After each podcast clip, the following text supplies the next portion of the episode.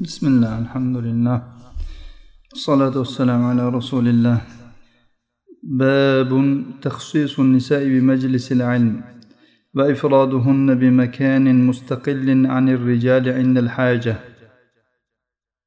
Ayollarga xos ilm majlisi qurish va ularni ehtiyoj bo'lganda erkaklardan alohida bo'lgan bir o'rinda ajratishlik ya'ni ajratib dars berishlik عن أبي هريرة جاء نسوة إلى رسول الله صلى الله عليه وسلم فقلن يا رسول الله ما نقدر عليك في مجلسك من الرجال فواعدنا منك يوما نأتيك فيه.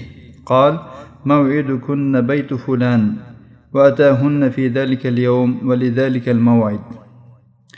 قال فكان مما قال لهن يعني ما من امرأة تقدم ثلاثا من الولد تحتسبهن إلا دخلت الجنة فقالت امرأة منهن أو اثنان قال أو اثنان إمام أحمد رواية لرى صحيح حديث أبو هريرة رضي الله عنه رواية قلنا dedilar bir necha ayol rasululloh sollallohu alayhi vasallam huzurlariga keldilar Va dedilar ey rasululloh erkaklar tufayli biz sizning majlisingizga yaqinlasha olmaymiz.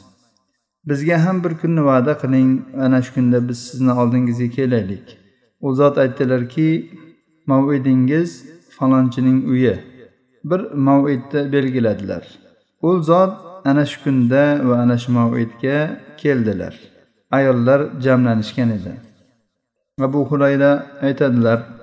Rasululloh sollallohu alayhi vasallam aytgan so'zlardan biri qay bir ayol farzandlaridan uchtasini topshiradigan bo'lsa va ularni ajrlarini umid qilsa albatta jannatga kiradi.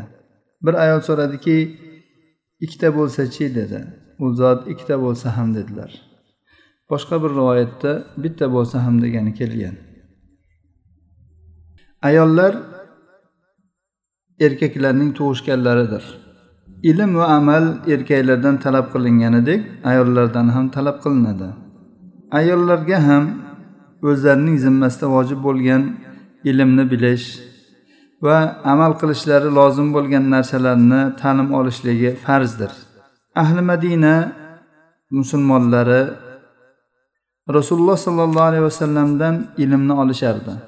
Ular ilm olishda juda ham haris edilar. Hattoki rasululloh sollallohu alayhi vasallamning majlislariga tiqilinch qilib o'tirishardi. Chunki u zotdan ular dunyo va oxiratdagi saodatlari va najotlari haqidagi ilmni olishardi. Ayollar erkaklarga aralashishdan man qilinganliklari tufayli rasululloh sollallohu alayhi vasallam yaqinlasha olmasdilar majlislariga qatnasha olmasdilar. Shu tufayli ular gohi ilmlardan qolib ketishardi. Erkaklar yetkazgan goho erkaklar ba'zi bir ilmlarni yetkazishardi lekin aksar holatda ular ilmdan mahrum bo'lib qolishardi. Shuning uchun ayollardan bir jamoasi keldida rasululloh sollallohu alayhi vasallamga aytdilar bizning ham o'zimizni savollarimiz bor bizga ham bir majlis ajratsangiz biz o'sha savollarimizga javob olsak bizga ham dinimizni ta'lim bersangiz deyishdi. Shunda rasululloh sollallohu alayhi vasallam ularning talablariga ijobat qildilar. Va bir kunni belgiladilar va ana shu kunda borib ularga maviza qildilar. Ushbu hadisning dalolatiga ko'ra ayollar va erkaklar hattoki ta'lim olishda ham birga bo'lishlari mumkin emas ekan. Ular alohida alohida bo'lishlari kerak ekan. Shuning uchun qizlarga alohida maktablar jomiyalar institutlar dorul fununlar va shu kabi ta'lim muassasalarini qilish kerak va o'g'il bolalarga ham erkaklarga ham alohida qilish kerak. Hammasi alohida alohida ta'limlarni olsinlar. Lekin aralashishga yo'l qo'yilmasin. Ushbu hadis bir necha ahkomlar va foydalarga dalolat qilmoqda. Shulardan birinchisi ta'lim olish asnosida bo'lsin erkak va ayollar aralashishi mumkin emas ekan. Ikkinchisi omonatdor kishi bir majmua ayollarni ya'ni bir guruh ayollarga ta'lim berishi mumkin. Biroq u yolg'iz begona ayol bilan yolg'iz holatda qolib dars bermaydi. Mumkin emas bu. Uchinchi foyda erkak kishi ayollarga dars bergani kelgan paytda o'zi yolg'iz bo'lmasligi kerak. U bilan kamida bir yo ikki kishi birga bo'lishi kerak. Buni mana o'tgan darsdagi rasululloh sollallohu alayhi vasallam bilol bilan borib e, hayit namozida ayollarga va'z qilganlari va sadaqaga yurganlari haqidagi hadisdan ham bildik. Mana shu ushbu hadisimizda ham ko'rinib turibdiki abu hurayra bu hadisni rivoyat qilyapti. Bu hadisni imom buxoriy abu said al hudriydan ham rivoyat qilganlar. Demak ular shu majlisda hozir bo'lganlar. Agar hozir bo'lmasalar edi rasululloh sollallohu alayhi vasallamning aytgan so'zlarini qayerdan qayerdan rivoyat qilishardi? To'rtinchi foyda bir guruh ayollarni ichida bir yo ikki erkak bo'ladigan bo'lsa buni xalvat deyilmaydi. Xalvat degani bir ayol bir erkak bilan yolg'iz qolishidir. Yoki bir necha erkaklar bilan bir ayolning qolishidir. Beshinchi foyda sahobiy ayollarning taqvolari. Ularni erkaklarga aralashishdan tiqilinch qilishdan uzoq bo'lishlari. Ular ilmga juda ham haris edilar. Shu bilan birga ular erkaklarga yaqinlashib ular bilan qilinch qilib majlislarga qatnashmadilar. Ayol kishi bitta bo'lsin ikkita bo'lsin uchta bo'lsin yoki undan ko'proq bo'lsin go'daklari yoshligida vafot etib ketadigan bo'lsa bunga sabr qiladigan bo'lsa u albatta jannatga kirar ekan musibatlar ya'ni musulmon kishiga yetadigan musibatlar gunohlarga kafforat va darajalarni ko'taradi. Bunga dalil mana shu uchta farzandini taqdim qilgan ya'ni o'zidan oldin jo'natgan topshirgan ayol jannati jannatga kiradi deydilar. Ayol kishining talabi ilmga chiqishligining joizligi chunki bu ayollarning hammasi ishfalonchini uyiga borishdi. Valiyil amr musulmonlarning roisi voliysi raiyatiga e'tibor qilish kerak. Agar ularga bir narsaga va'da qilgan bo'lsa albatta vafo qilish kerak. U har qancha ish ko'p bo'lsin boshqa bo'lsin buning farqi yo'q. Mana rasululloh sollallohu alayhi vasallam va'da qildilar va va'dalarni ustidan chiqdilar. Amallarning hammasida ajr umid qilish. Amallarning hammasida ajr umid qilish deyilyapti bu yerda. Farzandi vafot qilsa shunda ham ajr umid qilinyapti. Shu sabr qilish va buni ajr umid qilish ham bir nima amal hisoblanyapti. Olinadigan foydalardan yana biri omonatdor kishilar bilan ayollarning shar'iy masalalarda shar'iy hojatlari bo'ladigan bo'lsa so'zlashishlarining joizligi babun hamlur rijali al jinazata dunan nisa ayollarsiz faqat erkaklarning o'zlari janozani ko'tarishlari haqidagi bob عن ابي سعيد الخدري رضي الله تعالى عنه ان رسول الله صلى الله عليه وسلم قال إذا وضعت الجنازة واحتملها الرجال على أعناقهم فإن كانت صالحة قالت قدموني وإن كانت غير صالحة قالت يا ويلها أين يذهبون بها؟ يسمع صوتها كل شيء إلا الإنسان ولو سمعه صعق. أبو سعيد الخدري رضي الله تعالى عنه رواية قلنده rasululloh sollallohu alayhi vasallam dedilar janoza qo'yiladigan bo'lsa ya'ni mayyit tobutga qo'yilsa va uni kishilar erkaklar yelkalariga ko'tarsalar solih bo'ladigan bo'lsa yaxshi bo'ladigan bo'lsa aytadiki meni tezroq olib boringlar agar yaxshi bo'lmaydigan bo'lsa aytadiki eh buning holiga voy bo'lsin. Uni qayerga olib ketmoqdalar? Uning ovozini insondan boshqa hamma narsa eshitadi.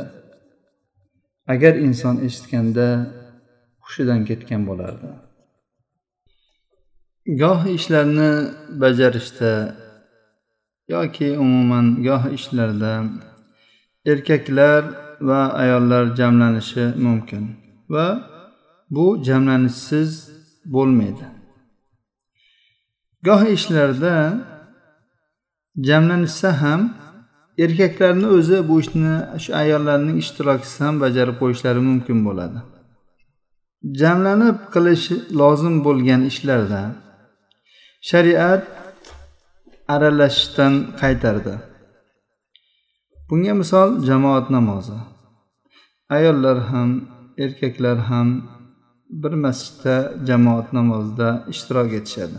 Tavof. Buni aralashmasdan bajarishning ilojisi yo'q. Erkaklarni alohida ayollarni alohida qilishlik imkoni yo'q. Ko'chalarda yurish. Erkaklar ham ayollar ham hojatlar uchun chiqqan bo'lishadi.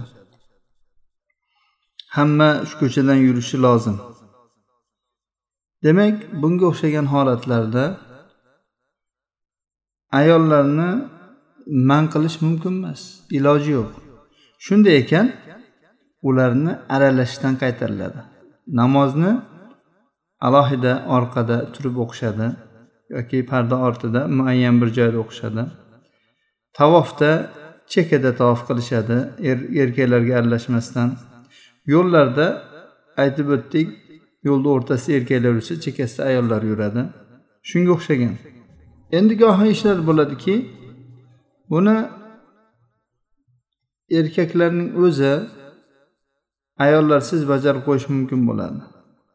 Janoza ya'ni mayitni dafn qilish shu jumladandir.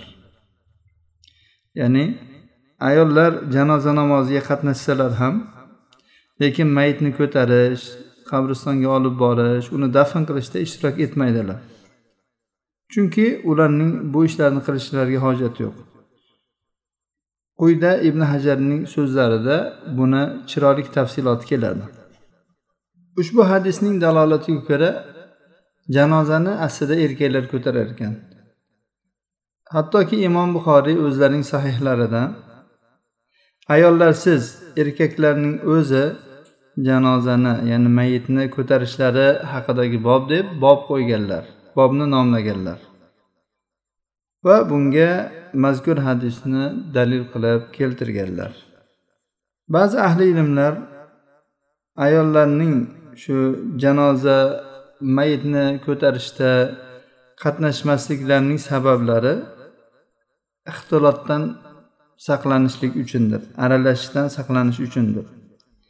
Ibn hajar aytadilar navoiy muhazzabning sharhida naql qilganki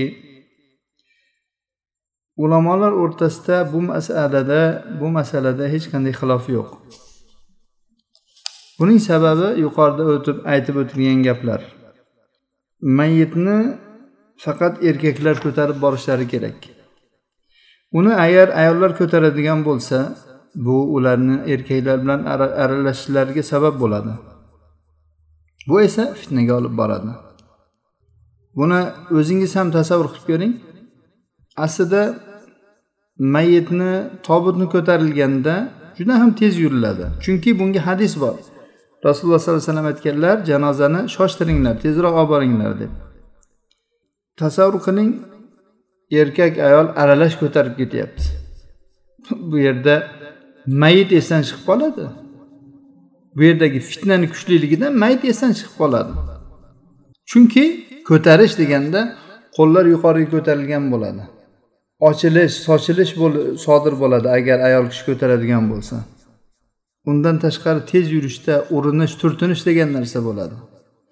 Shuning uchun shariatimiz ayollarni bunday o'rinlardan saqlagan va bu kabi og'ir ishlarni erkaklarga topshirgan. Bundan tashqari ayollar agar janozani ko'tarishadigan bo'lsa aslida ular azaxonadan boshlab dodvoy qilishadi. Ular bunday musibatlarni ko'tarish olmaydi. Mayitni ko'tarib ketayotgan holatdagi ularni holatini tasavvur qilib ko'ring. Ular butun yig'i sig'i dodvoy bilan ko'tarishadi.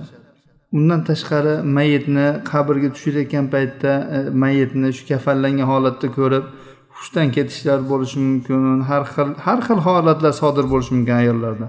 Shuning uchun ayollarning tabiati rioya qilinib ularni mayitni ko'tarish va dafn qilishdan ozod qilingan. Umma atiya roziyallohu anhudan rivoyat qilinadi. Aytdilarki biz janozalarga ergashishdan qaytarildik. Bu hadisni ham imom buxoriy rivoyat qilganlar.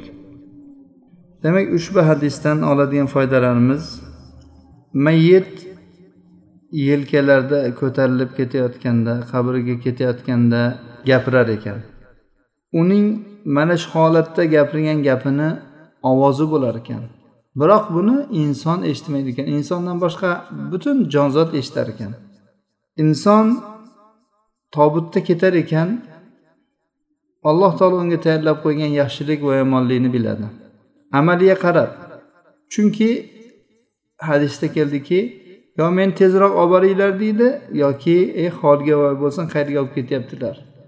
Yaxshilikni ko'rgan yaxshilikni bilgan banda tezroq meni olib boringlar tez tez yuringlar tezroq yuringlar bo'linglar meni tezroq qabrimga olib boringlar deb shoshadi. Ya'ni o'ziga tayyorlab qo'yilgan ne'matlarni ko'rish uchun tezroq o'shanga borish uchun. Ammo holiga voy bo'ladigan inson esa voy meni qayerga olib ketyapsizlar? Shoyatga olib bormasanglar edi shoyatga o'lmasam edi va hokazo deb o'ziga holiga voylar tilab qoladi foydalardan yana biri mayyit shu dunyoda qilgan beparvoliklariga shunday alamlanadiki hattoki uning alamlanishini eshitgan inson agar eshitadigan bo'lsa hushdan ketib qolardi. Ya'ni bu yerda mayit ikkita holati bor deyildi. Birinchisida xursandchilik men tezroq olib boringlar deydi. Buni eshitadigan bo'lsa odam hushdan ketmaydi yaxshilikni eshitgan paytda. Hushdan ketish qachonki yomonlikni eshitgan bo'lsa? Yomonlikni eshitganda hushdan ketadi qo'rqib ketadi. Shuning uchun kech bo'lmasdan turib tezroq xatolarni o'nglab solih amallarni qilishga shoshilishimiz kerak bo'ladi. Yana bitta oladigan foydamiz yaxshi kishilar uchun qabrda ne'matning borligi. Biz buni isbot qilamiz. Chunki bu yerda meni tezroq olib boringlar deb mayyit aytyapti. Qayerga olib boringlar o'sha menga tayyorlab qo'yilgan ne'matlarga olib boringlar qabrda bo'ladigan azoblarga ham dalil bor bu hadisda. Chunki ya'ni yomonlar uchun qabrda bo'ladigan azoblar ham bor.